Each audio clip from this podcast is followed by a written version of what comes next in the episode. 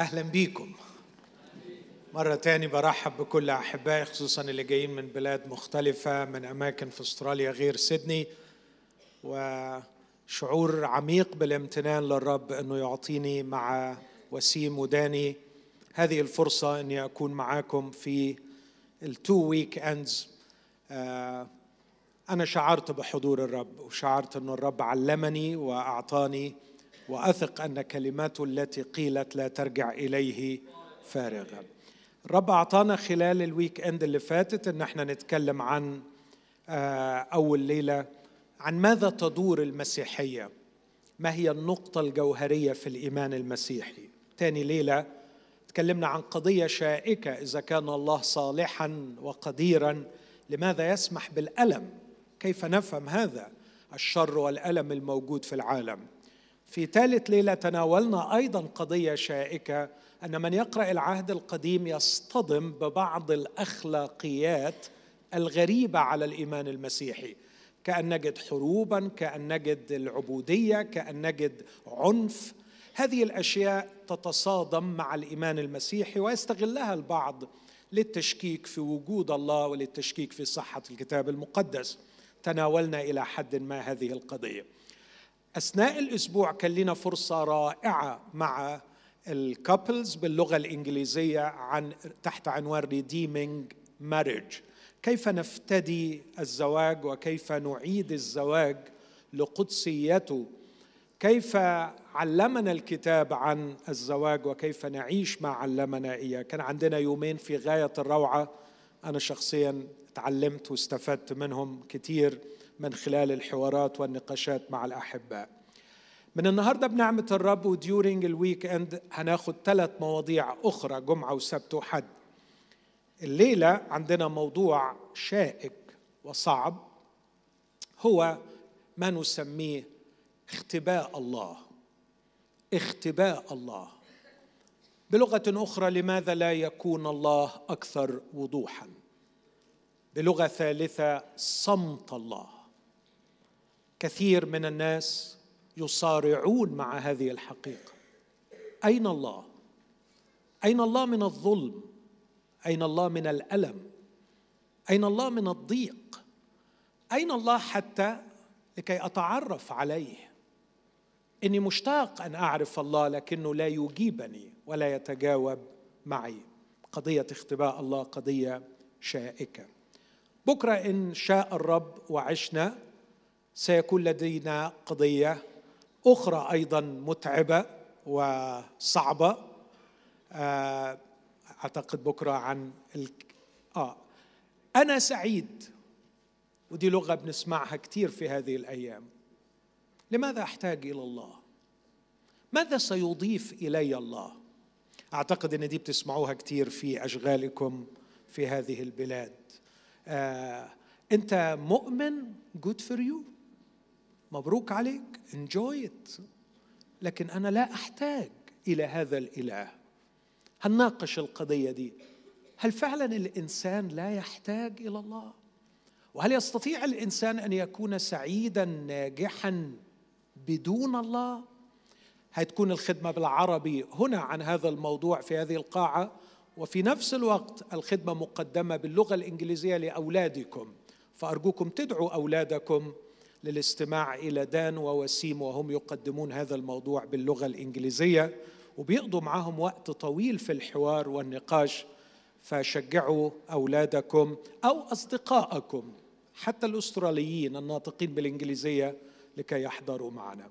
آخر ليلة هيكون موضوع برضه صعب. إذا كان الله جميل وصالح وعظيم لماذا الكنيسة بهذا الضعف؟ لماذا نرى الفشل؟ في الكنيسة. آه ما كنتش أحب أختم بالموضوع ده لكن هو البرنامج اتحط كده فده هيكون آخر ليلة لكن إن شاء الرب هيكون عندنا أخبار مشجعة. من حوالي بضعة شهور طلب منا كخدمة كريدو لوجوس في مصر أن نقدم هذا الموضوع في event طويل بعض الشيء. فقدمنا أنا وابني وزميلي العزيز وسيم محاضرتين وفرصه أسئلة طويلة عن موضوع اختباء الله.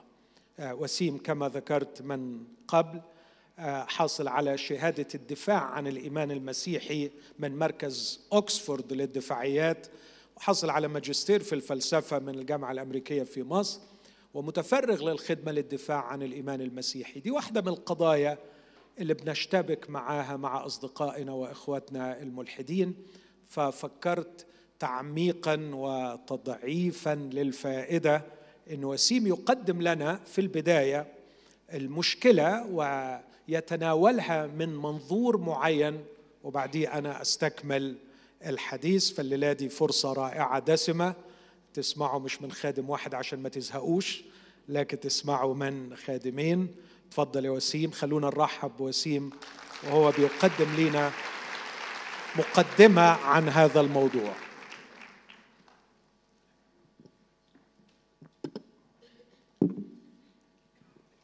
شرف كبير ليا الصراحة إني يبقى عندي الفرصة إني أشارك معاكم بعض الأفكار في موضوع آه، زي الموضوع ده. الموضوع زي ما دكتور ماهر قال الموضوع مش سهل. وأنا أعرف ناس عن قرب صرعوا جامد مع فكرة اختباء الله. أنا مش لاقي ربنا. ناس عايزة ربنا وناس مشتاقة ليه ومش لاقيينه وساعات بيزداد إحباطهم لما يشوفوا ناس كتير حواليهم بيتكلموا عن تعاملات الله معاهم وهم حاسين إنه أنا مش عارف ألاقي ربنا. وفي ناس كمان بسبب موضوع إن هم مش عارفين يلاقوا ربنا أو مش عارفين يتواصلوا مع ربنا مش عارفين يشعروا بحضور ربنا في حياتهم قرروا إن هم هيبتعدوا عن الموضوع ده. ممكن يبقوا قرروا إنه الناس اللي حواليهم مش اللي بيقولوه ده مش حقيقي. أنا حاولت وعملت كل الحاجات اللي أنتوا بتقولوا عليها والحقيقة ما الموضوع ما مشيش زي ما أنتوا كنتوا بتقولوا إنه هيمشي. بعض الناس بتستخدم موضوع اختباء الله فكرة إنه الله بالنسبة لناس طلباه بجد صعب الوصول إليه ده دليل على إنه هذا الإله مش موجود. بيقولوا إنه لو كان هذا الإله موجود فعلا وبيحبنا فعلا كان يبقى سهل أي حد يوصل له. بس كون إنه في ناس بأمانة بتحاول توصل لهذا الإله ومش عارفة توصل لهذا الإله ده بيقول إنه يمكن الإله ده مش موجود. واحدة من الحاجات اللي ساعدتني وأنا بفكر في الموضوع ده وتحدتني الصراحة قوي وأنا بفكر في الموضوع ده إني لقيت إنه الكتاب المقدس بيتكلم عن ناس عدت في خبرات مثل هذه الخبرات. فانا هاخد عينة صغيرة نبتدي بيها نفكر في الموضوع. عايز أقرأ معاكم من مزمور 13 بيبدأ المزمور مزمور لداود يقول إلى متى يا رب تنساني كل النسيان؟ إلى متى تحجب وجهك عني؟ إلى متى أجعل هموما في نفسي وحزنا في قلبي كل يوم؟ إلى متى يرتفع عدوي عليّ؟ انظر واستجب لي يا رب. أنر عيني لئلا أنام نوم الموت. لئلا يقول عدوي قد قويت عليه لئلا يهتف مضايقي بأني تزعزعت. طب يصارع جامد قوي أنت فين يا رب؟ أنت نسيني ليه؟ هتفضل نسيني لحد إمتى؟ شخص بيحاول يوصل لربنا ومش عارف يوصل لربنا. لكن في نهاية المزمور داود بيقول أما أنا فعلى رحمتك توكلت يبتهج قلبي بخلاصك. أغني للرب لأنه أحسن إلي. وكأنه بيفكر نفسه. بيفكر نفسه مين هو ربنا. بيفكر نفسه إنه هذا الإله صالح هذا الإله موجود لكن الخبرة اللي هو بيعدي فيها في هذا الوقت إنه أنا مش لاقي ربنا. زي ما يكون ربنا نسيني زي ما يكون ربنا مستخبي بيحجب وجهه عني. في مزمور 42 بنقرأ كما يشتاق الإيل إلى جداول المياه هكذا تشتاق نفسي إليك يا الله. بداية مشجعة للمزمور بتستخدم كتير قوي في فترات تسبيح وبتستخدم كتير قوي لما بنبقى فعلا جعانين لربنا. لكن بقية المزمور غريب. بيقول عطشت نفسي إلى الله إلى الإله الحي متى أجيء وأتراءى قدام الله؟ وبعدين بيقول صارت لي دموعي خبزا نهارا وليلا. إذ قيل لي كل يوم أين إلهك؟ أين إلهك؟ هذه أذكرها فأسكب نفسي علي لأني كنت أمر مع الجماع أتدرج معهم إلى بيت الله بصوت ترنم وحمد جمهور معيد. كان ليا أوقات كنت شاعر فيها بحضور ربنا بس دلوقتي حياتي واللي أنا معدي فيه الناس بتبص عليا وبتقول لي أين إلهك؟ وبعدين بيكلم نفسه لماذا أنت منحنية يا نفسي؟ ولماذا تئنين فيا؟ ارتجي الله لأني بعد أحمده لأجل خلاص وجهه. لو كملنا المزمور هيستمر داود في هذا الصراع. أين إلهك؟ الناس اللي حواليه بص عليه بتقول له أين إلهك؟ آخر مزمور هقراه معاكم مزمور 44 بيبدأ المزمور المزمور بني كورح بيتكلموا اللهم بأذاننا قد سمعنا أباؤنا أخبرونا بعمل عملته في أيامهم. في أيام القدم أنت بيدك استأصلت الأمم وغرستهم حطمت شعوبا ومددتهم لأنه ليس بسيفهم امتلكوا الأرض ولا ذراعهم خلصتهم لكن يمينك وذراعك ونور وجهك لأنك رضيت عنهم. أنت هو ملكي يا الله فأمر بخلاص يعقوب. بك ننطح مضايقين باسمك ندوس القائمين علينا. لأني على قوسي لا أتكل وسوفي سيفي لا يخلصني لأنك أنت خلصتنا من مضايقين وأخزيت مبغضين. بالله نفتخر كل يوم اليوم كله. واسمك نحمد إلى الدهر. بداية مشجعة. أهالينا قالوا لنا عنك. أهالينا حكوا لنا على أنت بتعمل معاهم إيه. أهالينا قالوا لنا إن هم ما اتكلوش على قوتهم. أنت اللي صنعت معاهم العجائب. بس بصوا بيكملوا يقولوا إيه. لكنك قد رفضتنا وأخجلتنا. ولا تخرج مع جنودنا. ترجعنا إلى الوراء عن العدو ومبغضون نهبوا لأنفسهم. جعلتنا كالضأن اكلا. ذريتنا بين الأمم. بعت شعبك بغير مال وما ربحت بثمنهم. تجعلنا عارا عند جيراننا هزءة وسخرة للذين حولنا. تجعلنا مثلا بين الشعوب لإنغاص الرأس بين الأمم. اليوم كله خجلي أمامي وخزي وجهي قد غطاني من صوت المعير والشاتم من وجه عدو ومنتقم. أنتوا متخيلين اللغة اللي بيتكلم بيها؟ أنتوا عارفين ساعات بحس إنه ممكن حد مثلا يطلع يقول كلام زي ده في الكنيسة النهارده يطلع يقول حاجة زي إنك بعت شعبك بغير مال وما ربحت بثمنهم. متخيلين حد يقول هنقول له إيه؟ عيب. عيب صح؟ هنقول له إزاي تقول حاجة زي كده؟ إزاي تقول حاجة زي كده على ربنا؟ غريب قوي إنه نلاقي في كلمة ربنا حد بيوجه لربنا هذا النوع من اللوم. أنت مش معانا أنت أخجلتنا أنت خليت منظرنا وحش. أنت بعتنا من غير فلوس ما كسبتش فينا حتى لما بعتنا. هذا كله جاء علينا وما نسيناك ولا خن عهدك. لم يرتد قلبنا إلى الوراء ولا مالت خطوتنا عن طريقك. حتى سحقتنا في مكان التنانين وغطيتنا بظل الموت. إن نسينا اسم إلهنا أو بسطنا أيدينا إلى إله غريب أفلا يفحص الله عن هذا؟ لأنه هو يعرف خفيات القلب لأننا من أجلك نمات اليوم كله وقد حسبنا مثل غنم ضللنا إحنا ما عملناش حاجة غلط. إحنا ما عملناش حاجة تستاهل اللي بيحصل فينا ده. انت لو عملنا حاجة غلط أنت هتبقى عارف. بس شوف إيه اللي بيحصل فينا. وبعدين بيختموا كده. استيقظ. اصحى. استيقظ. لماذا تتغافى يا رب؟ انتبه. لا ترفض إلى الأبد. لماذا تحجب وجهك وتنسى مذلتنا وضيقنا؟ لأن أنفسنا منحنية إلى التراب. لصقت في الأرض بطوننا. قم عونا لنا وافدنا من أجل رحمتك. السؤال أو الخبرة بتاعت إني مش لاقي ربنا الكتاب المقدس بيتكلم عنها بوضوح. رجال الله عبروا عنها في أكثر من مكان. للأسف ساعات بيوصل لنا الانطباع إن إحنا لو هنعيش مع ربنا مش هنعدي في الخبرة دي. وده ساعات بيسبب لينا لخبطة كتير قوي لما نلاقي نفسنا بنعدي في خبرة فيها مش عارف أتواصل مع ربنا مش عارف أتقابل معاه. وأنا عارف ومتأكد إنه في ناس كتير نعرفهم بعدوا عن ربنا سابوا ربنا أو ما عرفوش يجوا لربنا. بسبب إن هم ما لقيوهوش. وأنا مش هطول عليكم بس عايز أقول فكرة أو فكرتين. بيجاوبوا على السؤال إيه اللي ممكن يخلي ربنا ساعات يستخبى؟ إيه اللي ممكن يخلي ربنا ساعات مش عارفين نوصل له؟ والسؤال ده زي ما دكتور مال قال سؤال كبير وفي طرق كتيرة ممكن نفكر فيها في الموضوع. بس أنا عايز أناقش فكرة واحدة أو فكرتين. عايز أقترح إنه الله بيختبئ. لأنه المشوار اللي فيه بنبحث عنه صالح لينا. كويس لينا.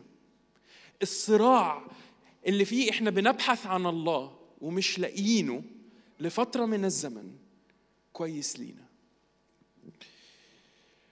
يمكن واحدة من الطرق اللي ممكن نفكر بيها في الموضوع ده هو لو قارنا هذا الصراع البحث عن الله بالصراع للبحث عن الحقيقة. في ناس كتير قوي حتى الناس اللي رفضت الله ما زالت تبحث عن الحقيقة. بالنسبة لها أوقات كتير بيبقوا مش عارفين الصح مش عارفين الإجابة لاسئله بيعانوا منها وبيبحثوا عن الحقيقة. وساعات بيغيروا رأيهم لما بيلاقوا أدلة تقدم حاجة غير اللي هم مقتنعين بيه. لكن اسأل أي حد باحث عن الحقيقة أي حد فعلا عايز يوصل للحقيقة هيقول لك إنه المشوار ده مش مشوار سهل.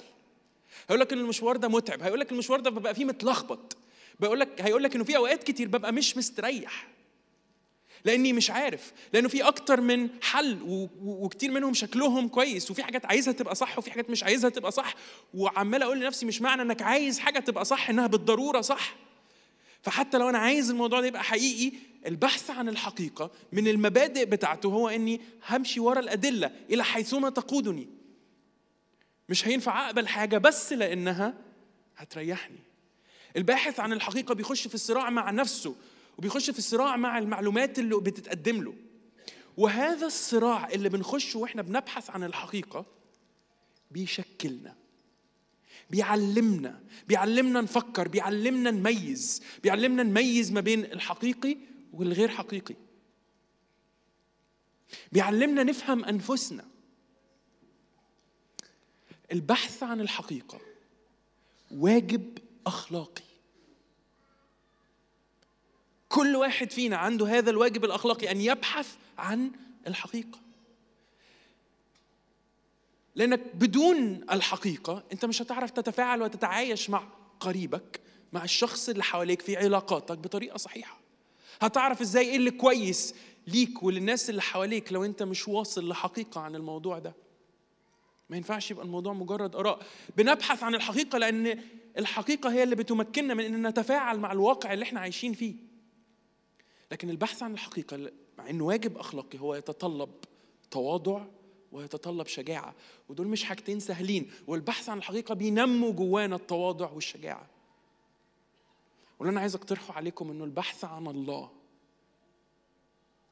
بينمي جوانا هذه الأمور. البحث عن الله المفروض يخليني أسأل نفسي أسئلة عميقة عن حياتي عن الطريقة اللي أنا بعيش بيها. المفروض البحث عن الله يخليني أسأل نفسي أسئلة كبيرة عن الحياة عامة. البحث عن الله هيجعلني أعاني وهيجعلني أسأل أسئلة صعبة عن الحياة وهيجعلني أصبر في أوقات.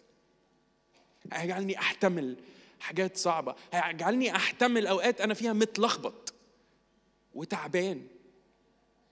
لكن هذا المشوار مشوار كويس ليا إن أنا أعيش فيه.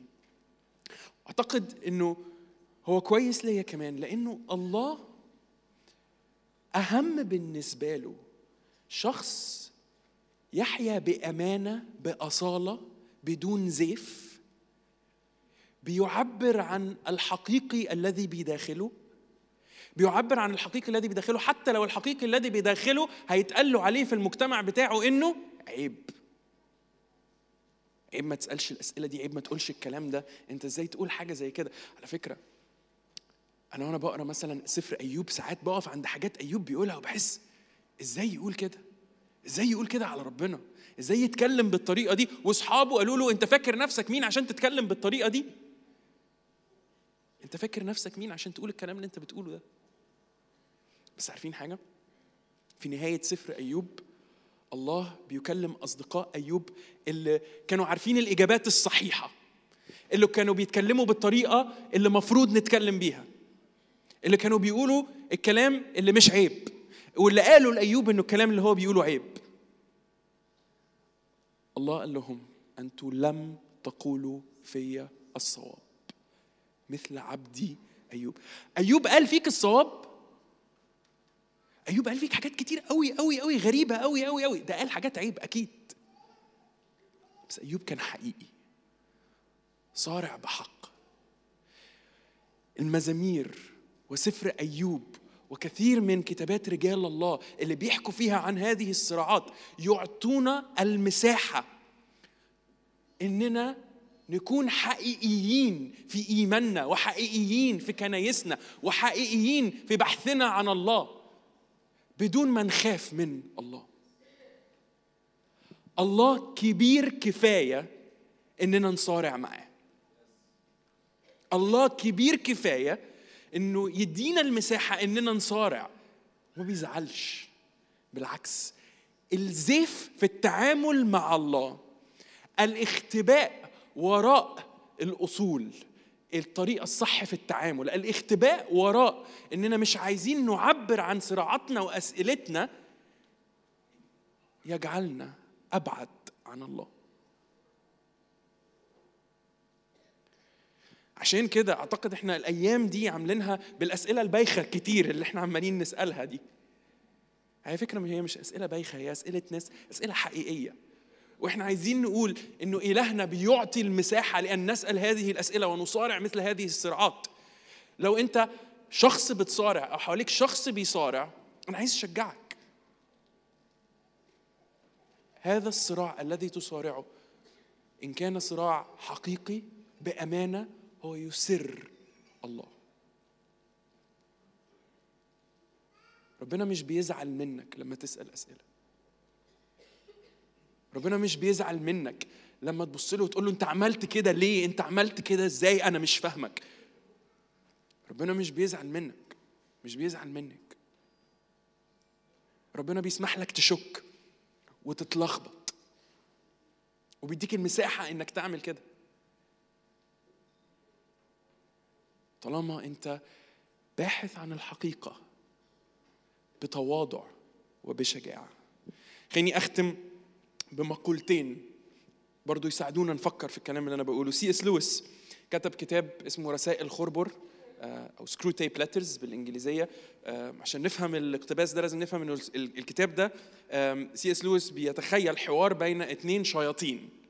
فشيطان كبير يكلم شيطان أصغر منه آه، عن كيفية إغواء البشر وكيفية تدمير البشر. فاللي هيقوله ده اعرفوا إن ده شيطان بيتكلم. بس كشيطان هو بيشرح للشيطان التاني بعض الأمور عن الطريقة اللي الله بيتعامل بيها مع البشر. فالشيطان الكبير بيقول كده. لابد أنك كثيرا ما تساءلت لماذا لا يستخدم العدو؟ العدو هنا هو الله. فبيقول كده. لابد أنك كثيرا ما تساءلت لماذا لا يستخدم العدو قوته ليكون ظاهرا لحواس النفوس الإنسانية بأي قدر يريده وفي أي وقت يختاره. لكنك تدرك الآن أن ما لا يقاوم وما لا يمكن الاختلاف عليه هما سلاحان يتحتم على الله عدم استخدامهما بسبب طبيعة خطته. طبيعة خطة الله تحتم عليه أنه لا يكون ظاهر بالكامل وغير قابل للمقاومة. فبمجرد أن يقوى على إرادة شخص وهذا الذي سيحدث بحتى أقل شعور بحضوره تفقد الفائدة بالنسبة له. هو لا يبتلع هو فقط يدعو. لأن فكرته النبيلة هي أن يحتفظ بالكعكة وأن يأكلها في نفس الوقت يرغب أن يتحد كائناته به وفي نفس الآن أن يبقوا أنفسهم. لن يفيده أن يلغيهم أو يمتصهم آجلا أو عاجلا ينسحب أو يسحب كل الدعم والتحفيز من خبراتهم الواعية. يترك الكائن ليقف على رجليه بلا مساعدات ليمارس مسؤولياته بقوة إرادته فقط بعدما فقدت المسؤوليات كل بريقها. لا يغوي للفضيلة كما نغوي للرذيلة. يريدهم أن يتعلموا المشي ولذلك يسحب يده. لذلك نرى أن أهدافنا تقع تحت أشد تهديد عندما نجد إنسان فقد كل الرغبة لعمل مشيئة العدو ولكنه ينوي عملها بغض النظر. أقولها تاني؟ لذلك نرى أن أهدافنا تقع تحت أشد تهديد. عندما نجد إنسان فقد كل الرغبة لعمل مشيئة العدو هي مشيئة الله لكنه ينوي عملها بغض النظر.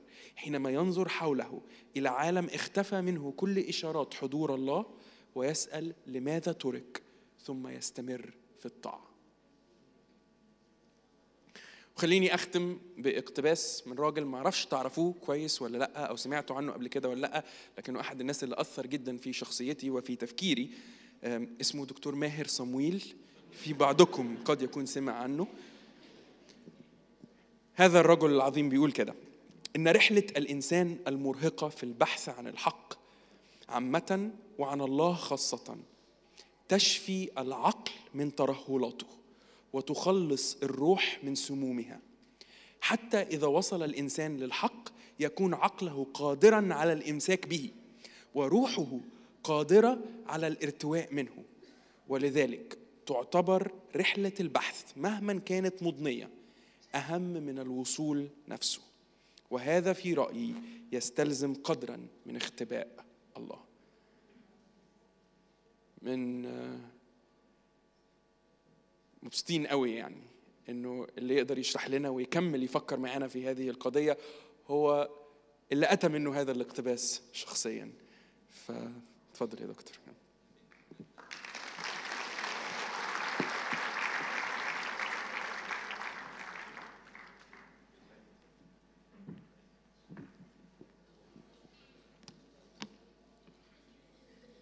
استكمالا لنفس ال-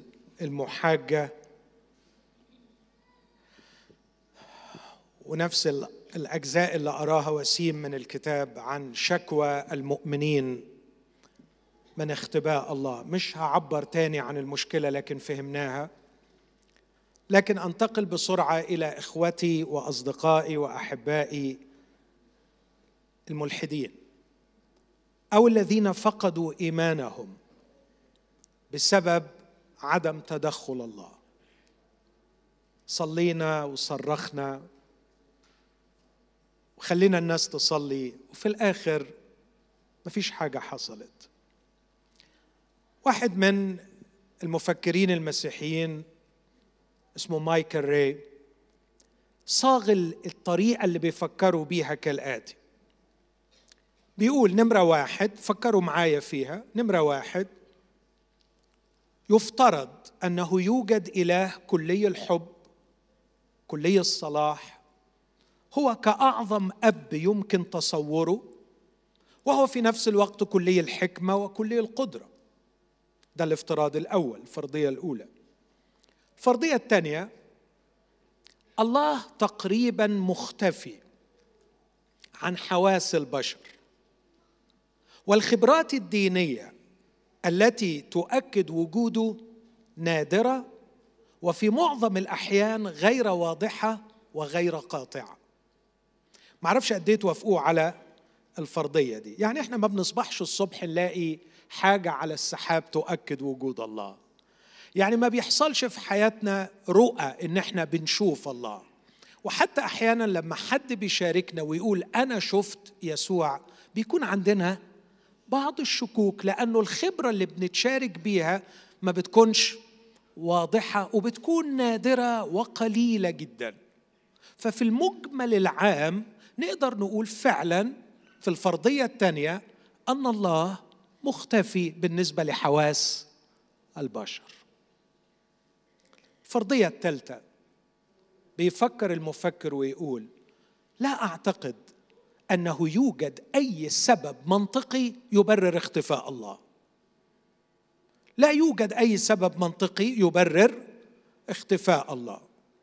لما اقعد أصلي له أربع خمس سنين عشان يشفي ابني من الكانسر ولا يشفي الزوج أو يخلص الابن من الإدمان وفي النهاية الله لا يستجيب. لا يوجد أي سبب منطقي يبرر هذا الاختفاء. اختفاء غير مبرر. دول الثلاث فرضيات. يفترض وجود إله كلي الحب كلي الحكمة كلي القدرة. ال ال تقريبا الدلالات غائبة. تقريبا هو مختفي. الفرضيه الثالثة لا يوجد سبب منطقي يبرر هذا الاختفاء. الراجل بيكمل بيقول إذا كانت ثلاث فرضيات السابقة صحيحة وانت موافق عليها فما عندكش غير احتمال من الاحتمالات الثلاثة الآتية. اولا أن يكون الله موجود فعلا لكنه لا يحبنا بالقدر الكافي الذي يجعله يخرج من خبائه ويخرج من حجاله ويعرفنا بنفسه ويظهر ذاته لنا. هو موجود بس يعني أنتم متصورين انه العلاقة بينكم وبينه قوية قوي للدرجه ان هو يتنازل ويظهر يعني. لا هو مش مش للدرجة دي بيحبكم. ده احتمال. الاحتمال الثاني لا هو بيحب لكنه المشكلة إنه تنقصه الحكمة التي تجعله يقدر أهمية عدم اختفائه وأهمية ظهوره. ودي بنسمعها كتير. ممكن أفهم فين الحكمة في حاجة زي كده؟ عمالين نصرخ ونقول له مد إيدك ورينا إيدك أنا عايز أشوف إيدك. هو ما بيستجبش من الممكن أن يكون موجود ومن الممكن أن يكون محب. لكن يبدو إن عنده مشكلة في حكمته. هو مش مقدر الموقف اللي إحنا فيه ومش مقدر خطورة الموقف اللي إحنا عايشينه. الاحتمال الثالث لا هو بيحب وعنده الحكمة لكن تنقصه القدرة أن يجعل نفسه ظاهرا وواضحا لنا. هذه هي الاحتمالات الثلاثة لا يمكن أن يخرج الموضوع عنها. بعدين بيستنتج مايكل ريو ويقول بما أن هذه الاحتمالات الثلاثة إليل في الحب إليل في الحكمة إليل في القدرة تتعارض مع الفرضية الأولى أن الله موجود وأنه كلي الحب والصلاح والحكمة والقدرة المحاجة بالشكل ده تبقى هدمت نفسها فالاحتمال على الأرجح أن الله غير موجود. هكذا يصل إلى هذا الاستنتاج. الحقيقة الثلاث فرضيات الأولانيين هما اللي بيبنوا هذه المحاجة القوية. الله موجود وهو كلي الحب والحكمة والقدرة. الله مختفي بقدر ما واختفاؤه آه، يمتنع معه الإيمان به والثقة فيه. ثم الفرضية الثالثة أنه ليس لديه أسباب منطقية تبرر هذا الاختفاء.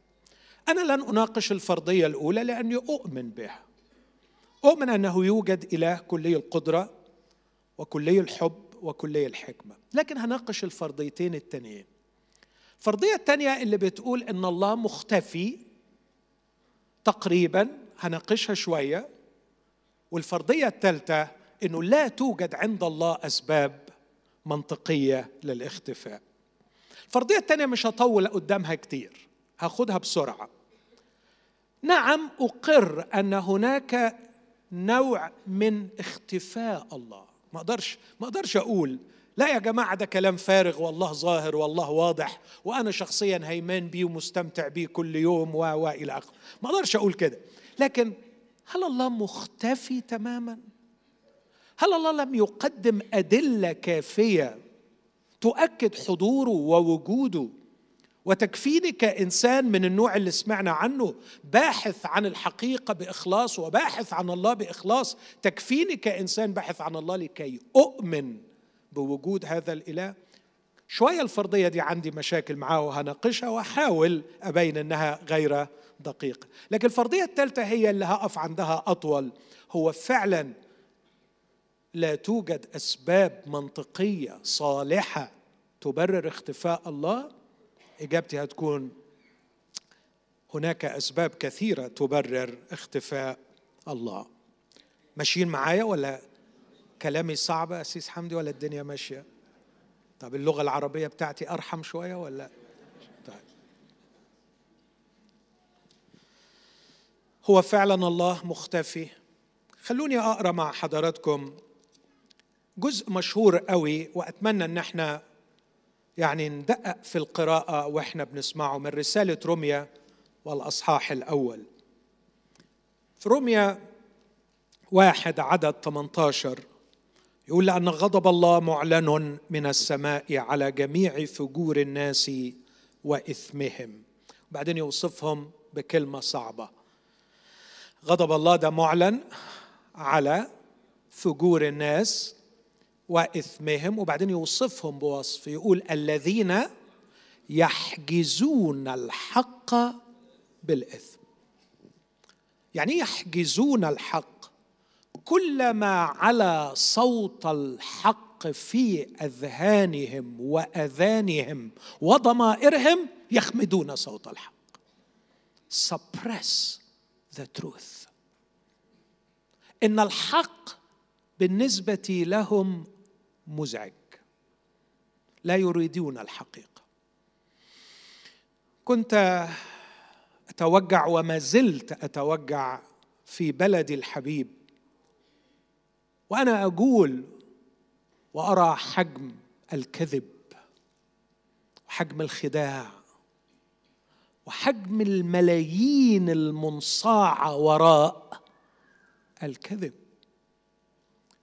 وتوهمت لوقت أن الكذبة قوية للغاية ولهذا يصدقها البشر.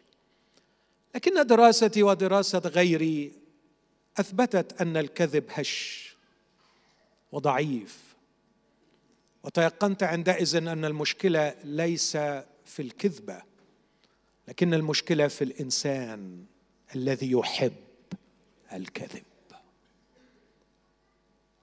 فكتبت يومها إن تصديقنا للأكاذيب لا يعتمد على قوة الكذبه ومتانتها بل يعتمد على مساحة الزيف التي في داخلنا التي تجعلنا نبتغي الأكاذيب ونصدقها عندما تأتي إلينا. إن المأساة الحقيقية ليست في الخارج لكنها في الداخل. إن الزيف متأصل في داخل الإنسان. ولهذا هو يبغي الأكاذيب وإذا لم تأتي هو يبحث عنها. وعلشان كده ازددت اعجابا بكلمة الله وهو يختم في سفر الرؤيا عن الذين هم خارج المدينة فيقول واللي هيطرحوا في البحيرة كل من يحب ويصنع كذبا وجعل من يحب قبل من يصنع. وكأنه بيقول إن الباحث عن الأكاذيب بسبب زيادة مساحة الزيف في داخله هو الذي يستسير صانع الأكاذيب لكي يصنعها. صانع الأكاذيب لو ما لقيش زبون يشتري عمره ما هيعمل. فاللي بيخلي مروجي الأكاذيب يمشي سوقهم إن في ناس بتعمل إيه؟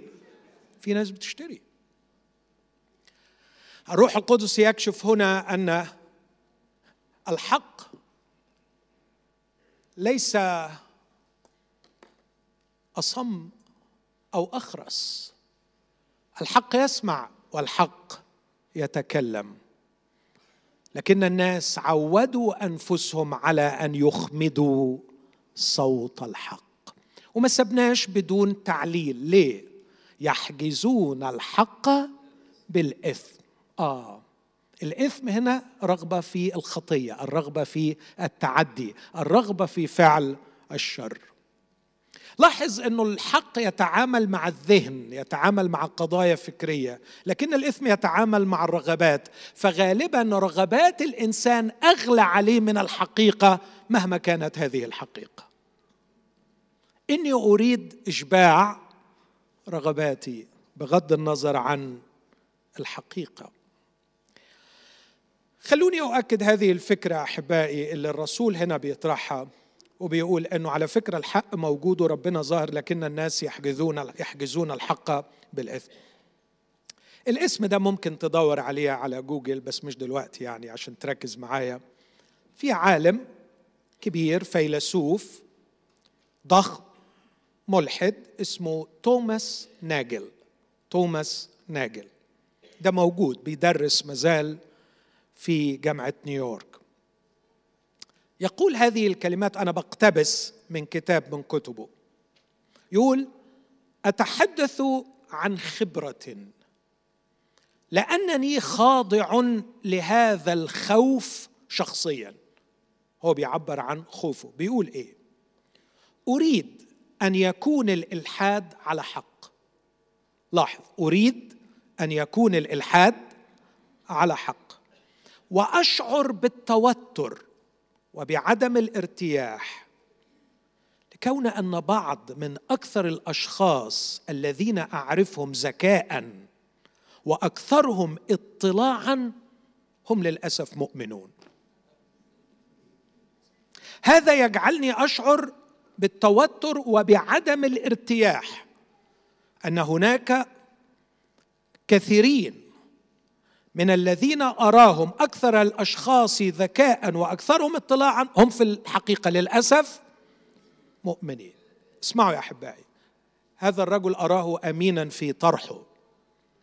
فالأمر ليس فقط إنني لا أؤمن بالله وبالتالي أرجو أن أكون على حق في إيماني هذا. كلا إنني أرجو أن يكون الله غير موجود. إنني أريد أن يكون الله غير موجود. لا أريد أن يكون هناك الها. لا أريد أن يكون الكون هكذا له إله. انتهى الاقتباس. هذا يؤكد أن القضية بالنسبة لهذا العالم ليست أدلة وحقائق لكنها إرادة رغبة. إنه لا يريد أن يكون لهذا الكون إله. في حوار بين جون لينوكس عالم الرياضيات العظيم في جامعة اوكسفورد ورجل الله الفاضل جون لينوكس من أشهر العلماء في الرياضيات وفي نفس الوقت مدافع عن الإيمان المسيحي. في حوار لي مع ريتشارد دوكنز أشرس ملحد وأشهر ملحد. فكان دوكنز يسخر من المؤمنين ويقول له حكاية إن ربنا موجود ويهتم بيكم دي عاملة زي قصة بيطمنوا بيها العيال اللي بيخافوا من الضلمة. قالوا على فكرة حكاية ربنا مش موجود قصة بيطمنوا بيها العيال اللي خايفة من النور. إذا كنت بتفترض إن في أطفال خايفين من الضلمة فعايز أقول لك إن في ناس بتعمل حاجات غلط خايفة خايفة النور ينور. علشان كده بيخدعوا أنفسهم ويقولوا ما فيش ما فيش الله. هل من الممكن في مجال الطب النفسي وفي مجال علاقاتنا مع الناس نجد إنسانا يعيش خادعا لنفسه متوهما أشياء لسنوات طويلة ويعيش في هذا الوهم الكبير دون أن يدري أنه وهم إجابتي نعم. لكن يا للهول عندما يكون الوهم هو بخصوص الله ويفاجأ الإنسان في النهاية أنه يقف أمام الله. هذا الطرح قوي ويجيبنا عن جانب من السؤال لكن من الناحية الثانية طب وماذا عن خبرات إخواتنا المؤمنين الذين لا يحجزون الحق بالإثم ويعيشوا في إخلاص وتقوى زي أيوب اللي سمعنا عنه؟ فعلى الرغم من احترامي لهذا الطرح أقول إنه يجاوب على جزء لكن ما يجاوبش عن كل الحقيقة. لأن أيوب بشهادة الكتاب المقدس كان رجلا بارا كاملا يتقي الله ويحيد عن الشر. إنه يحيد عن الشر لكنه ظل يصرخ لمدة طويلة أين الله؟ أين الله؟ تذكر أول كتاب كتبته لكني لم أكمله كان عنوانه أين الله؟ أين الله؟ في سياسة هذا العالم. أين الله في الظلم والفقر؟ أين الله أمام العنف والافتراء؟ أين الله حرفيا؟ لماذا لا نراه؟ أين الله من جهة خبراتنا؟ نحن الذين نشتاق إليه في مرات كثيرة ولا نجده أين الله من فساد الكنيسة ورجال الدين أحيانا؟ أين الله؟ أين الله عندما نرى الشر في الداخل ونرى الله لا يقضي في الحال. اين أين الله أيام بطرس الذي قضى على حنانيا وسفيره أين الله؟ ونحن نرى الشر يرتكب ولا يوجد قضاء. اذا هذا الجزء في روميا يجيب عن جزء من السؤال لكنه لا يقدم كل الإجابة. لهذا أنتقل بسرعة للفرضية الثالثة لعلها تحمل الإجابة وهي تحت هذا العنوان هل لدى الله من الممكن أن تكون أسباب صالحة أو أسباب منطقية تبرر انسحابه أو اختفائه أو أحيانا حجب وجهه. أعتقد أن عندي بعض الأجوبة ليست جامعة مانعة لكن تساعدنا على التفكير. الإجابة الأولى اللي أشار إليها وسيم احترام الله للإرادة الحرة للإنسان. خليني أدي مثلين بسرعة. أقول إن الشر المقموع في أطفالي بسبب حضوري لا يجعلهم صالحين. فكر في العبارة دي. يعني أنا بدأت أسمع كده في الأوضة الثانية وأنا قاعد في ال living room إنهم بدأوا خناقة مع بعض. ومن خبرتي بيهم توقعت إن العملية هتتصاعد وإن فيهم واحد هيطلع كل الشر بتاعه وهيعتدي على أخوه. فرحت بسرعة واخد بعضي ورحت وقفت على باب الأوضة. هو شاف المنظر امتنع عن الأذية. إن حضوري الواضح الجلي جعله يمتنع عن الشر لكن لم يحوله إلى إنسان صالح. لأنه امتنع عن الشر ليس لتغيير أخلاقي. حدث في داخله لكنه امتنع عن الشر بسبب حضور الطاغي الذي أرعبه فأوقفه عن فعل الشر. قلت أكثر من مرة إن الشخص الذي لم يزني لأنه خاف الفضيحة ليس بطاهر ليس بطاهر. كل من يزني لأنه يخشى سمعته ويخشى الفضيحة هو ليس بطاهر. لكن الطاهر هو الذي لا يزني حتى إذا توفرت له كل الفرص أن يزني. حتى إذا امنا له أن أحدا لن يعرف. قالت له ليس أحد معي في البيت. قال كيف أصنع هذا الشر العظيم وأخطئ إلى الله؟ هذا ما يريد الله منا أحبائي. لماذا لا يحضر دائما حضورا طاغيا لكيما تعمل إرادتنا الحرة في اختيارات أخلاقية صحيحة ليست نابعة من رعب وخوف الحضور الطاغي لله. أو مثال ثالث أحيانا يعملوها اللعبة دي ويعملوا لها فيديوهات بتنتشر. واحد يتقدم لواحدة ويحاول إنه يتكلم معاها ويحاول إنه يجتذبها إليه ما تعبرهوش وتحتقره وتحتقره. وفي الآخر يقول لها متشكر ويروح متدور ويركب لامبورجيني قدام عينيها ولا فيراري. آه ويبدأ وهو بيفتح الباب يبص لها كده تقول له آه هو حضرتك قلت آه إنك آه عارفين الأسلوب؟ إن الحضور الطاغي للثراء جعلها ترغب في إقامة علاقه معه. لكنها لا ترغب في إقامة علاقه معه اقتناعا بشخصه. لكن بسبب الحضور الطاغي لثرائه إذا حضر الله بشفائه إذا حضر الله بتسديده الاحتياجات إذا حضر الله بالإسراع لتلبية كل الرغبات إذا حضر الله لايك ذات بسرعة في كل مرة أنا دي عشان يحل المشكلة دي ويحل المشكلة دي من يضمن أن ارتباطي به لشخصه وليس لثرائه؟ لذلك يحجب نفسه ويحجب ثراءه وكأنه دائما يسألني ماهر هل أنا جدير بحبك؟ وهل تجد في علاقتك بي شبعا وارتواء يغنيك حتى عن الشفاء يغنيك عن كل الاحتياجات؟ في يوم من الأيام صعبت عليه نفسه القانا صعبت عليه نفسه القانا جوز حنة. وقال لها لماذا تكتئبين؟ ولماذا تبكين؟ ولماذا يكتئب؟ أما أنا خير لك من عشرة بنين. المفروض يعني سبعك تفتخري بيه. وتقول بناقص العيال طالما أن ألقانا معايا. أنا ممكن أعاتب ألقانا أقول ألقانا مالكش حق تقول لها الكلام ده. أنت ليك مكانك بس هي الست محتاجة عيل. لكن اتهيألي ممكن يسوع يقول لي الكلام ده. يقول يا ماهر أما أنا خير لك من كل الدنيا؟ أما أنا خير لك من عشرة بنين؟ أما أنا خير لك من الراحة؟ أما أنا خير لك؟ على فكرة يا ماهر الراحة هتيجي. بقيت راحة لشعب الله.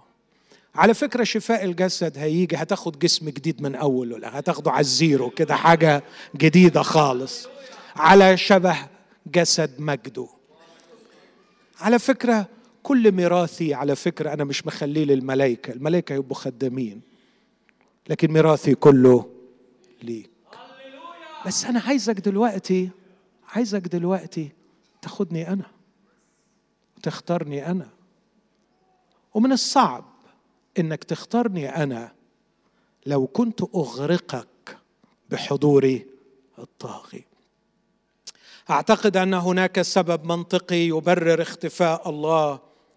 لاحترام إرادتنا الحرة في اختيارها لله وإرادتنا الحرة في رفضها للشر والخطية. فأنا لا أرفض الشر والخطية بسبب حضور الله الطاغي ولا أختار البر والتقوى بسبب حضور الله الطاغي. لكن لأني مقتنع. لاحظوا يا إخوتي أن الله عندما يقول هذا وعندما أعلم أنا بهذا ليس بدون أساس ودليل. قصة بني إسرائيل وهاجلها بعد كده بشوية. لما شافوا الجبل مرعب وما ده حضور الله.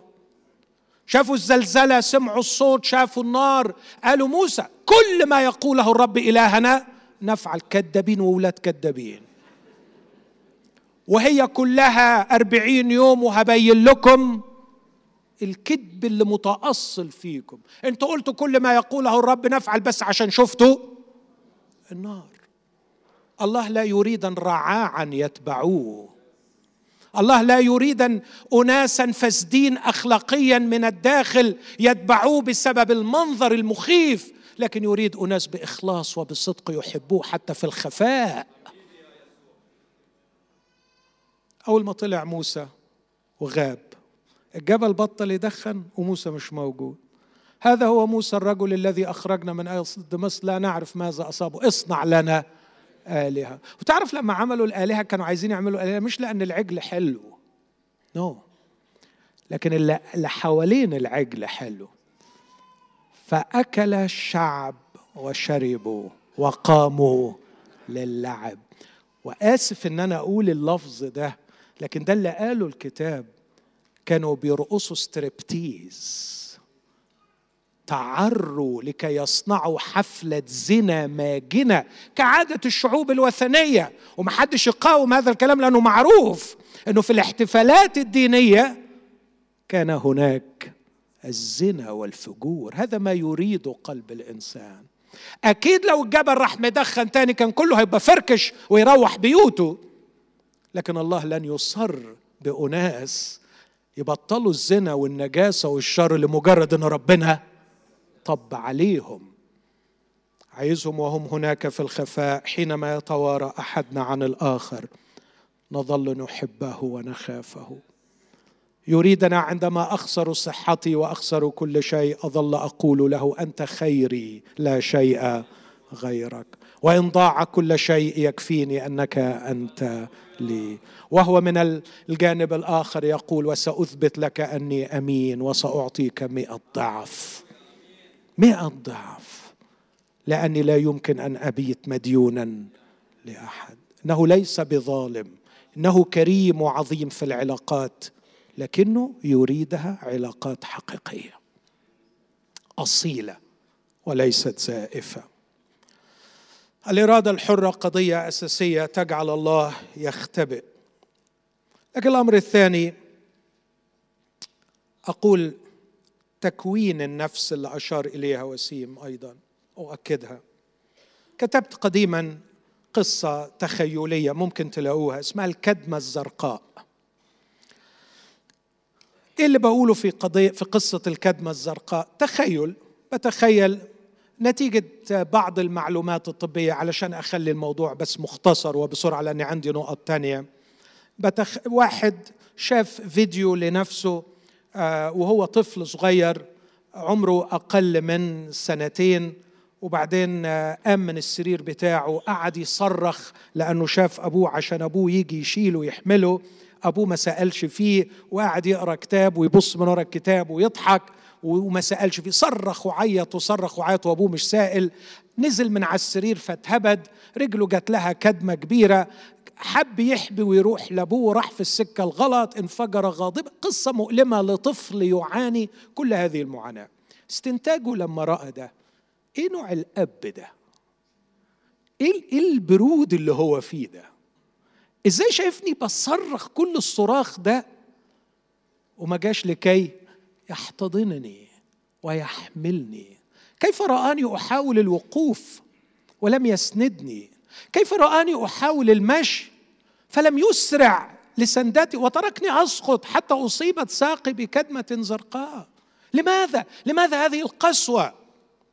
لكن لما شرح له الكونسلر حاجة معلومة طبية بنقولها حتى للأمهات بلاش حكاية المشاية للأولاد ليه؟ بنقول ربنا صمم الجسم بتاع الإنسان. على إنه في جهاز في قاع المخ هنا اسمه المخيخ السيربيلم هو ده اللي بيظبط الاتزان. علشان يقدر يظبط اتزان الإنسان ويوزع التون بالتساوي على العضلات لابد أن يقف الإنسان في الفراغ غير مسنود على شيء. وإلا المخيخ ده عمره ما هيشتغل.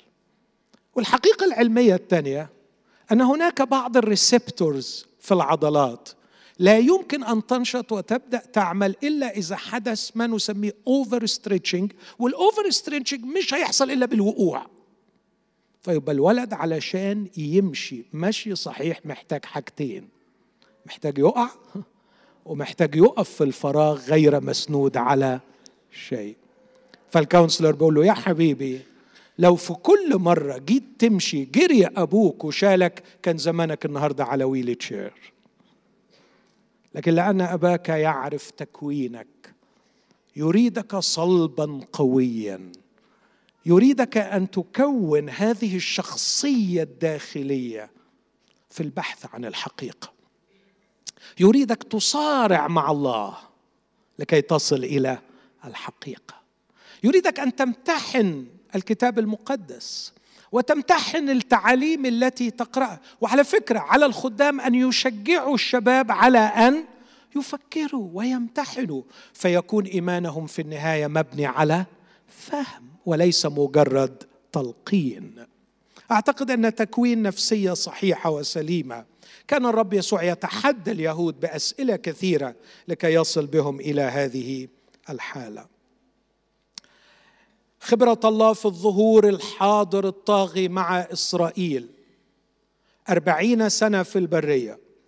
وخبرة الله في ظهوره وحضوره الطاغي مع بني إسرائيل في وسطهم ثلاث سنين وشوية. تؤكدان أن الحضور الطاغي لا يغير قلب الإنسان. مظبوط؟ قعد أربعين سنة معاهم في البرية. كل يوم عمود النار واضح. عمود النار ده حضور الله وسطيه والسحابة موجودة والمن بينزل والصخرة بتطلع مية. حضور طاغي. وسحابة المجد على خيمة الاجتماع. وفي النهاية سقطت جثثهم في القفر. ولم يؤمنوا به. حضور الرب يسوع أكثر من ثلاث سنين وسط شعب إسرائيل انتهى بأنهم صلبوه. طب هقوم لعازر قدامكم. ما فيش حضور أقوى من كده. نقتلك ونقتل لعازر. بينما لو تفتكروا التلاميذ الأوائل الذين تبعوه لم يتبعوه بسبب معجزة رأوها. لكن حاولوا تفتكروا يوحنا واحد. في الغد كان يس كان يوحنا واقفا وراى يسوع ماشيا. فقال هوذا حمل الله. هوذا حمل الله. فتركه التلميذان وتبعا يسوع.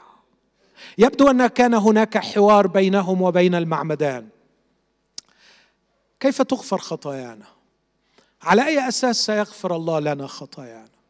ومش بعيد المعمدان كان يقول لهم أنا الحقيقة مش عارف لكن ما استبعدش الكلمة بتاعت تكوين 22 الله يرى له خروفا للمحرق. ما استبعدش ابدا اشاعيا 53 بيقول إنه في شاة ستساق إلى الذبح في حمل ربنا هيرتبه يخلص الموضوع ده. وبعدين فجأة لقي يسوع فراح أشار إليه وقال هو ذا حمل الله. فتركه التلميذان وتبع يسوع. بصوا أرجوكم ركزوا وارجعوا اقروا القصة دي. فالتفت يسوع ونظرهما يتبعان. فقال لهما ماذا تطلبان؟ إيه نفسكم في إيه؟ عايزين إيه؟ اصنع لنا آية؟ لا. يا معلم أين تمكث؟ إحنا عايزين عنوانك. ليه؟ عايزين نبقى أصحابك. عايزين نقعد معاك. عايزين نتعرف عليك. إحنا بصراحة منجذبين إليك. فيك شيء بيشدنا وراك. حتى أننا تركنا معلمنا. تركناه ببساطة لأننا انجذبنا إليك. إخوتي من لا يتبع يسوع منجذبا إليه لا يستحقه ومن يتبع يسوع طمعا في جنة أو خوف من نار لا يستحقه ومن يتبع يسوع من أجل شفاء أو ثراء لا يستحقه اتبع جني علاء الدين أحسن لك مليون مرة. يسوع المسيح جاء لكي يخلص الخطاة الذين أولهم أنا. كل من يشعر بأنه في احتياج للخلاص الحقيقي وللمصالحة مع الله وللدخول في علاقة حميمة وشركة قوية ترتقي بالنفس الإنسانية للمستوى الذي يريده الله يحتاج لشخص يسوع المسيح. لكن أمر رابع وأخير أكتفي به أقول اسمعوني أحبائي قبل أن يختبئ الله اختبأ الإنسان. إن أول مختبئ في الكتاب المقدس لم يكن الله لكن أول مختبئ هو الإنسان. وإذا أردت أن الله يخرج من اختبائه أخرج أنت أيضا من اختبائك. آدم أين أنت؟ سمعت صوتك في الجنة فخشيت لأني عريان فاختبأت. كنت في حوار مع واحد من أولادي من فترة. بحاول أشجعه. وبقول له أنا عارف إنك تعبت كتير في علاقتك بربنا لكن متأكد إن اللي تعب كتير بتبقى علاقته بربنا أقوى. فمشتاق أشوفك اليوم اللي تصبح علاقتك بالله العلاقة العميقة. واستمر الحوار منطلقا من هذه النقطة. فرد علي بفكرة جميلة أثرت فيا. قال لي عندك حق يا بابا. أنا أعتقد إن الإنسان بعد السقوط عندما يختبر الفداء لديه فرصة أن يعرف الله بشكل أعظم مما لو كان لم يسقط. قلت له بناء على إيه بتقول الكلام ده؟ إيه دليلك لفكرة زي كده؟ فأجابني إجابة جميلة. قال لي أعتقد أن آدم قبل السقوط لو كان يعرف الله حق المعرفة لكان هرب إليه بعد السقوط ولم يختبئ منه. قلت له عندك حق. عندك حق أفهمتني. فعلا لو كان يعرفه على حقيقته كان أول ما يغلط يعمل إيه؟ يجري عليه. عايز أقول لكل شخص بيسمعني لماذا تشعر أن المسافة بعيدة بينك وبين الله وأن هناك حائط أرجوك لا تلقي اللوم على الله وتعتبر أنه هو فقط مختبئ. قد يكون مختبئ للأسباب اللي قلتها لكن من الممكن أيضا أن تكون أنت مختبئ. أخرج من الاختباء. خليني أساعدك ببعض الحاجات علشان تعرف يمكن تكون مستخبي فيها. ما رأيك في التدين الزائف؟ ما رأيك في التدين؟ هريين روحنا كنايس. وإحنا من جوه عارفين إن إحنا فسدانين وإحنا من جوه عارفين إن إحنا غير أمناء. طب امال إيه النشاط ده؟ مستخبي فيه. من المستحيل أن تلتقي بالله طالما أنك تختبئ وراء تدين زائف. خلاص قفلت على نفسك. مزق مزق هذه الأستار البالية مزقها. واخرج واطلع. وقول له اللهم ارحمني أنا الخاطئ. الكلمة اليونانية جميلة ارحمني غطيني. غطيني من الممكن نترجمها غطيني. وكأنه بيقول له أنا عريان. الراجل ده عنده حاجات يغطي نفسه بيها. ده بيقول أنا لست مثل باقي الناس. ده بيعشر وبيصوم وبيصلي. لكن أنا بصراحة ما عنديش حاجة أغط أنا عريان غطيني غطيني استرني أنت. أخرج من خباء الوجود الزائف وبدون شرح كثير لمعنى هذه الكلمة من الناحية الفلسفية. ما هو الوجود الزائف؟ تختبئ وسط الناس. تلاقي روحك وسط الناس. أنت ما بترنمش إلا وسط الناس. أنت ما بتصليش إلا وسط الناس. أنت ما بترددش التعاليم المسيحية إلا وأنت وسط الناس. بنسميه الذوبان في المجموع. بس تطلعه لوحده وتحطه على جنب هو واحد تاني خالص. Different. هذا هو الوجود الزائف. الوجود الزائف واحد من أكبر المخابئ التي يختبئ فيها الإنسان. المجد الزائف واحد من الأشياء التي يختبئ وراءها الإنسان. إيه المجد الزائف؟ شعور داخلي باللا قيمة ولا معنى. إن شاء الله إن شاء الله على السنة الجاية أغير العربية ونظرتهم كلهم هتختلف لي أو إن شاء الله إن شاء الله أغير البيت. إن شاء الله إن شاء الله آخد الشهادة وآخد التايتل ده فيبقى الوضع أفضل. كل هذه أشياء تختبئ وراءها تعطل اكتشافك لله. لكن عندي خبر مفرح أقول. من جهة اختباء الله لم يكن من البدء هكذا ولن يستمر هكذا. لكن عن قريب ستراه كل عين. ويختم الكتاب المقدس بالقول هم سينظرون وجهه واسمه يكون على جباههم. لكن قبل ما أسيبكم حابب أقول أين نجد الله إذا كنا نشعر أنه مختبئ؟ عندي مكانين ممكن اشوفه فيهم. مكان مش هتكلم عنه النهارده لأنه موضوعنا بعد بكرة. أراه في الكنيسة. أيوه. بشرط أن تفهم معي أن الكنيسة ليست هي الحجارة لكن الكنيسة هي جماعة المؤمنين. هل هناك أدلة تؤكد أن الله يرى في هيكله؟ نعم. الكتاب المقدس كله يؤكد على أن الله يرى في هيكله. وهيكله هو نحن. فالكنيسة هي بيت الله الحي عمود الحق وقاعدته. هتكلم إزاي ممكن الكنيسة تكون بتبين مين هو الله وكيف يظهر الله في الكنيسة؟ لكن المكان الثاني العنوان الدائم والمقر الدائم لله هو في شخص يسوع المسيح. خلوني أشارككم بقصة شخصية برضو عن واحد من أولادي.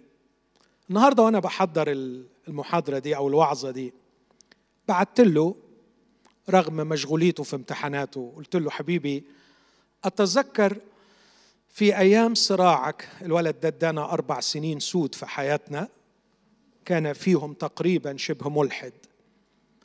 ده ابني الحقيقي ابني الجسدي. قلت له أتذكر في صراعك مع أفكارك وانت بعيد عن الرب. كانت قضية اختباء الله واحدة من القضايا اللي بتؤلمك. ممكن تعبر لي عنها بطريقتك؟ قول لي انت كنت شاعر بإيه وقتها؟ من جهة أنا فاكر إنه كان يشتكي لي دايما فين الله؟ فكتب لي باللغة الإنجليزية ترجمت الكلام اللي قاله. بيقول كالآتي كان دائما امرا يثير غضبي وغيظي بل ويؤلمني بشدة. عندما كان يقال لي وأنا هترجم بالعربي والعامي علشان أنا فاكر اللغة اللي كان هو بيقول بيها. عندما كان يقال لي وده اللي أنا كنت بقوله له غالبا قرب من الرب واتكلم معاه. كان يطلب مني هذا وكأنه عملا سهلا أو امرا يسيرا. وكأنه لدينا ضيف في المنزل وأنا لم أكن ودودا معه بالقدر الكافي أو أتجاهله. ثم يطلب مني أن أصادقه. واخدين بالكم من التشبيه اللي بيحطه؟ يعني كأن عندنا ضيف في البيت وهو ما كانش نايس مع الضيف فأنا بقول له يا واد خلي عندك أدب وروح ها؟ روح اتكلم معاه روح صدقه يعني. فبقول يعني كأن الأمر بهذه السهولة يعني. كنت لا أستطيع هو بيقول كده بألم كنت لا أستطيع أن أمنع السخرية داخلي. حتى ولو كنت أدبا لا أجرؤ على النطق بها. كنت أريد أن أواجهك يا أبي وأقول لك أتريدني أن أتواصل مع الله؟ عظيم. ادوني من فضلكم رقم تليفونه أو إيميله وأوعدك إني على الفور سأتواصل معه. لم أكن بهذه السخرية فقط أحاول أن أخفف الأمر على نفسي. بل في الحقيقة كنت أعبر عن غضبي. لأنه مطلوب مني أن أفعل شيئا ليس لدي أي فكرة كيف أفعله. مطلوب مني أن أصادق شخصا بطريقة لا أعرفها ولا جربتها قط في أي صداقة دخلت فيها من قبل. كيف؟ كان مطلوبا مني أن أفكر في شيء ثم أفترض أن الله سمعه لما بيقولوا يعني يفترض أن الله سمعه وبعدين يقول ثم علي بعد هذا أن أعيش دور المخبر السري اللي عمال يجمع أدلة قد تشير من قريب أو بعيد إلى استجابة الله لهذا الذي أنا قلت له. هذا كان بالنسبة لي في منتهى السخافة. لا توجد أي طريقة يمكنني بها أن أتأكد أن الله يسمعني عندما أتكلم إليه. وإذا افترضت أنه سمع فلا توجد أي طريقة يمكنني بها أن أعرف إيه رده إذا كان في رد من الأصل. لذلك كانت مهمة صعبة بل مستحيلة. ولهذا كان بالنسبة لي امرا منطقا للغايه منطقيا للغاية. إني أشيل قصة ربنا من دماغي بالكلية. لأنه فين المنطق؟ في إني أظل أعاني من هذه الخبرة السخيفة والثقيلة. إني أتكلم مع من لا يرى مع من لا يسمع مع من لا يلمس. شعرت وقتها إني لا أحتاج إلى الله. بل أكثر من ذلك شعرت أن فكرة وجود الله تمثل عبئا علي أحتاج التخلص منه. لكن اسمعوا ماذا يقول ودي أقولها للأباء. من جانب آخر كانت رؤية أقرب الناس إلي وأحبهم إلى قلبي. رؤية هؤلاء وهم يجدون متعة كبيرة في العلاقة الحميمة مع الله. كان امرا يملأني بالحزن وانكسار القلب. لا أستطيع ابدا أن أتصور أنه يكذب علي. إما أن أحب الناس إلى قلبي يعيش كذبة كبيرة أو إن الله الذي له علاقة به لا يهتم بي لا يعبأ بي أنا. لا يهتم بشخص خاطئ مثلي. هو صديق حميم له لكنه بالنسبة لي شيء لا يرى ولا يدرك. وهذا الفرض الأخير بالذات كان يدفعني بقوة نحو كراهية فكرة الله بل كراهية الله نفسه. عانى هذا الولد معاناة مروعة. تعرفوا كان إيه رد الكنيسة؟ اتصلوا بيا وقالوا لي خلي ابنك ما يجيش الكنيسة لأنه بيسأل أسئلة بتتعب الشباب. لكن الله رحمني ورحم أمه ورحمه. النهارده بعت له قلت له بعد ما بعت لي المصيبة دي اللي عمري ما شفتها قبل كده قلت له أوصف لي كيف خرجت من هذه الكارثة. أنا عارف القصة بس قلت له أوصفها لي. ما انساش العبارة دي وفعلا كان قالها لي زمان. قال لي simply I fell in love with Jesus. I fell in love with Jesus. قصة طويلة كان الرب ابتدى يتعامل معه بطريقة خاصة. أثارت فكره أنه يوجد شيء فوق طبيعي يتحكم في هذه الحياة.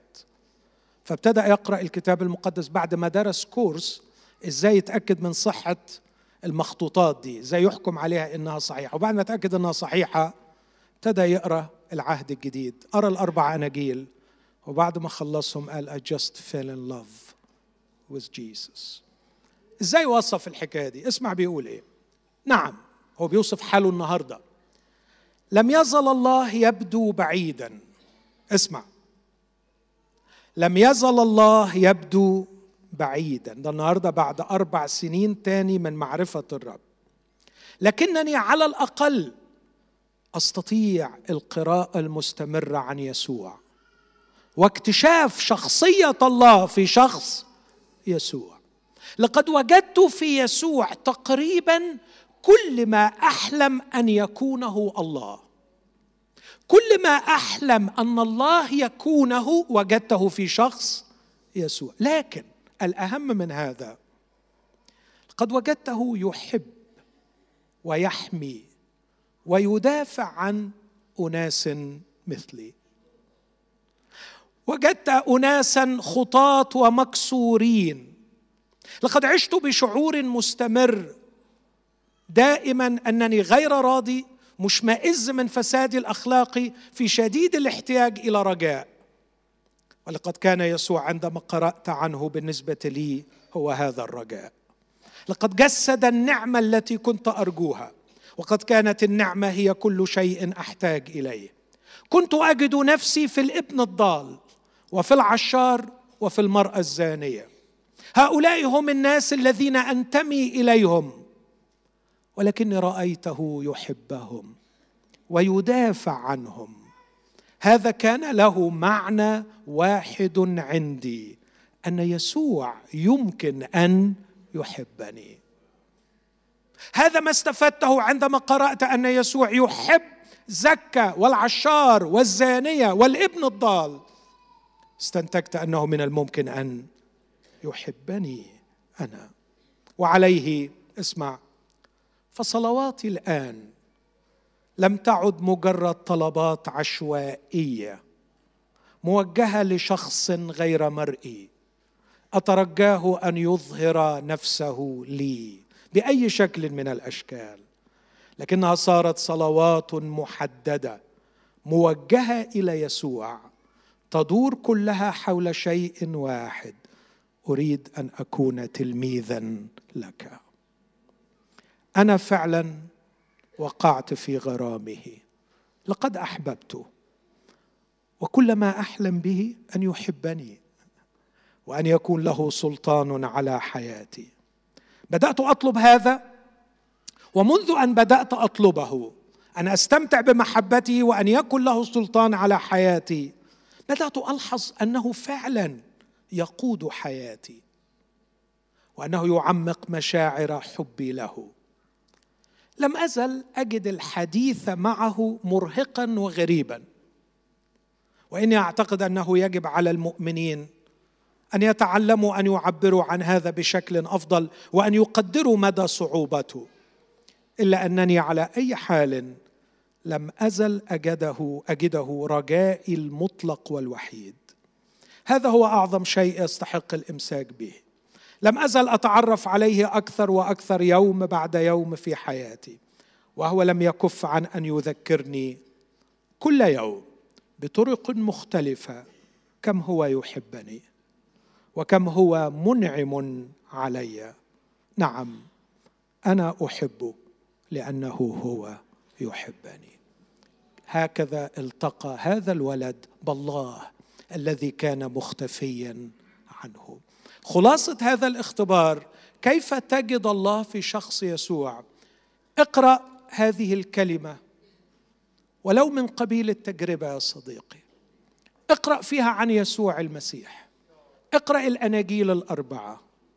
وكن مخلصا وأنت تقرأ. ستجد أن هذا الشخص يحب الخطاة ويحميهم ويدافع عنهم ويكرمهم وفي النهاية يضع نفسه من اجلهم إذا اشتعلت أشواقك أن تكون تلميذا لهذا الشخص سيعلن نفسه لك. هو وعد وقال احبه وأظهر له ذاتي. أنت وأنت على موعد مع يسوع ليظهر لك ذاته. إن كنت تبحثين عنه وليس عن ثرائه وليس عن عطاياه وليس عن أشكال ومظاهر لكن طلبة واحدة وحيدة. أريد أن أكون تلميذا لك وأريد أن يكون لك سلطان على حياتي. إيه رأيك في الطلبتين دول؟ أريد أن أكون تلميذا لك وأريد أن يكون لك سلطان على حياتي. خلونا نقف مع بعض نصلي الصلوة دي مع أخونا ناصف ونرنم ونطلب من الرب بإخلاص هذه الطلبة. وأنا أثق أن الرب في نعمته. جهز هذه الفرصة لأشخاص مخلصين. ربما احتاروا كثيرا.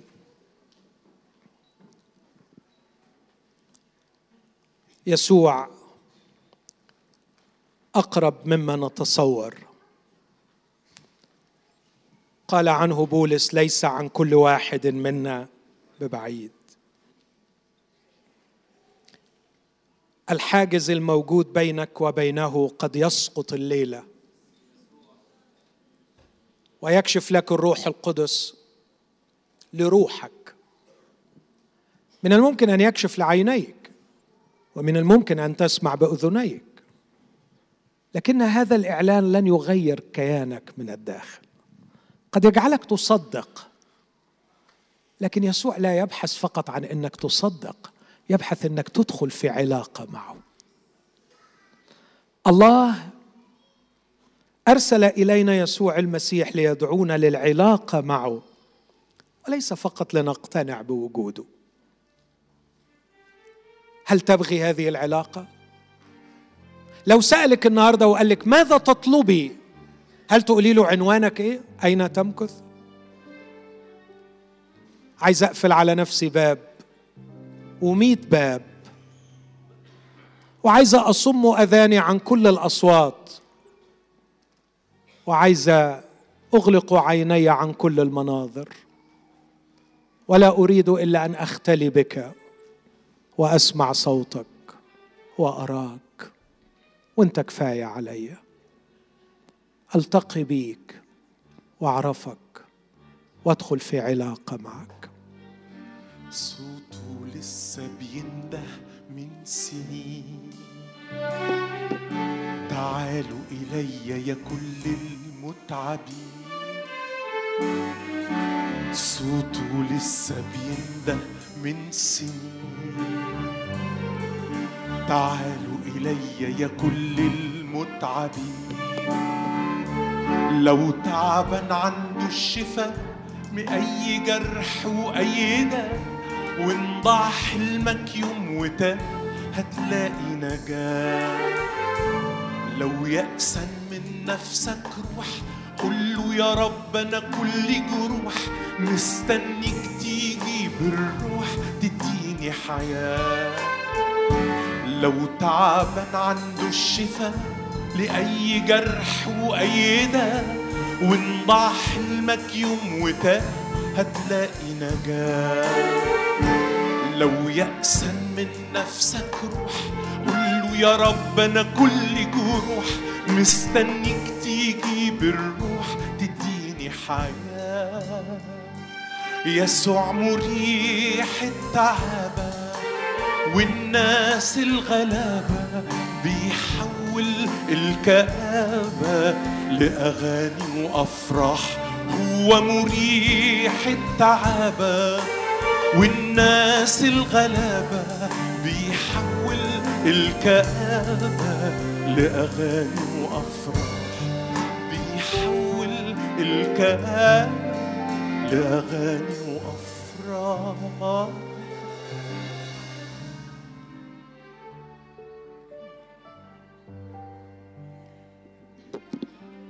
أتمنى لكل شخص موجود في القاعة كل أيام سعيدة الأيام اللي جاية. من قلبي فعلا. لكن لا أعرف كيف يمكن أن تكون الأيام سعيدة بدون يسوع. لا أعرف كيف تواجه الحياة بدون يسوع. لا أقول كيف تواجه الحياة بدون إمدادات من يسوع. لكن بدون يسوع نفسه. قد يعطيك إمدادات كثيرة وتفرغ كلها. قد يعطيك إمدادات لكن تظهر مصائب أقوى من كل الإمدادات وأغرب من الإمدادات. الأفضل والأثمن أن شخص نفسه يكون معك. الليلة ليست طلب أشياء من يسوع لكن طلب يسوع نفسه الذي لم يشفق على ابنه بل بذله لأجلنا. لقد أعطانا الابن. الليلة الرب يسوع بيعرض نفسه عليك وعليك. حبيب صديق راعي قائد مخلص. استجابتك أكيد تعتمد على عمق التجربة اللي جواك. هل وصلت للمرحلة دي؟ هل وصلت إنك محتاج للشخص ده؟ ولا ما زلت محتاج بركة من بركات ربنا تاخدها وتروح؟ حكاية بركة من بركات ربنا. على فكرة يشرق شمسه على أشرار والابرار ما بيمنعش خير وبيدي بسخاء حتى غير الشاكرين. لكن الليلة مش بنعرض عليك بركة. بنعرض عليك يسوع. افتح حضنك واستقبله. هو بالأحضان الأبوية بينادي عليك. والليلة تروح وانت في حضنه وتنام في حضنه وتفضل في حضنه لغاية ما يجي تاني. يسوع سوق لقلبي انت مشتهايا انت شوقي وطلبتي مشتاق اكسر كل غالي تبقى أنت انشغالي والمجدك اعيش يسوع سوق لقلبي أنت مشتهايا انت شوقي وطلبتي مشتاق اكسر كل غادي. تبقى أنت انشغالي والمجدك أعيش. يسوع همسك ومش هرخي أنا قلبي تعلق إنت اللي أنا اعيش ليك بدموع هسكت عند رجلي. الغالي يرخص لي بل ما يساويه يسوع همسك ومش هرغي. أنا قلبي تعلق بيك. انت اللي أنا اعيش ليك بدموع هسكت عند رجلي. الغالي يرخص لي. ده الكل ما يساويه يسوع بسجد لك حبيبي قول معايا. بختارك نصيب. فيك بلقى الحياة. بختار أموت وتحيا فيا يقل كل ما ليا وحدك تزيد. يسوع بسجد لك حبيبي بختارك نصيبي. فيك بلقى الحياة. بختار أموت وتحيا فيا يقل كل ما ليا وحدك تزيد. يسوع همسك ومش هرغي أنا قلبي تعلق بيك. انت اللي أنا عيش ليك. بدموع هسجد عند رجليك الغالي يرخص لي ده الكل ما يساوي يسوع همسك ومش هرخي أنا قلبي تعلق بيك أنت اللي أنا اعيش ليك بدموع هسجد عند رجليك الغالي يرخص لي الكل ما يساوي آخر شيء أسيبه معاكم الليلة. لما بنادي على كل امرأة ورجل في هذا المكان وأقول لك تعالى التحم بيسوع المسيح. واقبل يسوع المسيح. هو ده الإنجيل. الإنجيل نحن لا نكرز بعقيدة لكن نكرز بشخص. أنا لا أقدم عقيدة لكي تؤمن بها لكن أقدم لك شخص لكي تقبله. هذا هو الفارق بين المسيحية وبين أي ديانة أخرى. المسيحية تقدم شخص يسوع المسيح. وفي الحقيقة أنت لست في احتياج إلى عقيدة أنت في احتياج إلى مخلص. المخلص هو الذي سيخلصك. أكيد في عقائد خاصة بهذا المخلص. نحترمها ونجلها ونقدسها وندافع عنها. وأعتقد أن ده كان واضح في كل الليالي. لكننا لم نأتي لكي نقدم عقائد. أتينا لكي نقدم شخص يسوع المسيح. قال بولس لم أعزم أن أعرف شيئا بينكم إلا يسوع وإياه مصلوب. اسمح لي واسمحي لي أأكد تاني. أخي أحبك أختي أقدرك وأحترمك لكننا جميعا خطاة قد فسدنا. المسيح أحبك وأحبك ومات على الصليب ليحمل عنك خطاياك. هذا هو الإنجيل أن المسيح مات من أجل خطايانا حسب الكتب وأنه دفن وقام في اليوم الثالث حسب الكتب. وعندما أرسل بولس ليكرز بالمسيح قال له هذه الكلمات في أعمال 26 هلم يا بولس هلم فأرسلك إلى الأمم هلم فأرسلك إلى الناس هلم فأرسلك إلى أستراليا إلى أمريكا إلى كل مكان يصل إليه الإنجيل. النهارده وأنت واقف هلم فأرسلك. تكرز ليهم بالإيمان بي. اسمع اسمع من فضلك. لكي يرجعوا من ظلمات إلى نور ومن سلطان الشيطان إلى الله. لكي ينالوا بالإيمان بي غفران الخطايا ونصيبا مع المقدسين. فكر في الأربع بركات المرتبطة بقبولك ليسوع الليلة. ترجع من ظلمات إلى نور ومن سلطان الشيطان إلى الله. وتنال بالإيمان بيسوع غفران الخطايا مش بس كده ونصيب مع المقدسين. النهارده جاتني رسالة من إحدى الجامعات صعبة جدا جدا جدا في مقاومتها للإيمان المسيحي. لكن الطالب اللي كان حاضر مسجل لي في اجتماع درس كتاب. اجتماع درس الكتاب ويبعته لي. وبيقول لي هل كنت تظن أن الإنجيل ينادى به بهذا الشكل في هذا المكان؟ وهل كنت تظن أنه يوجد أناس يحبون يسوع المسيح بهذا الشكل في هذا المكان؟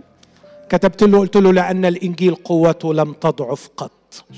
ويسوع لم يغيب جماله قط ولم يزل يسوع يخلص. ولم يزل الإنجيل يخلص. هل تقبل يسوع في هذه الليلة؟ هل تقبل يسوع في هذه الليلة؟ ارفع إيدك معي وأنا أصلي لأجلك. أمين. أمين. أمين. أيها الرب الحبيب يسوع يا من مت من أجلنا وحملت خطايانا ولعنتنا على الصليب. هللويا هللويا لأنك قمت منتصرا. هللويا وشكرا لك لأنك أخذت اللعنة عنا وضمنت لنا غفران الخطايا ونصيبا مع المقدسين. أشكرك وأعظمك لأنك موجود بيننا الآن ولأنك تعرف خرافا خاصة بأسمائها موجودة هنا الآن. تحتاج إليك وأنت تحبهم وأنت تنادي عليهم في هذا المساء. التفتوا إلي واخلصوا لأني أنا الله وليس آخر. أتضرع إليك أن تقبل هذه النفوس أن تفرح بها أن تيقن لهم في داخلهم يا روح الله شهادة بأنهم خلصوا لأنهم قبلوا يسوع المخلص. أتضرع إليك أيها الآب المحب أن تسمعنا صوت الفرح. صوت آلات رقص وطرب. ونحن نسمعك تقول ابني هذا كان ميتا فعاش وكان ضالا فوجد. افرح أيها الآب بأبناء وبنات راجعين إليك.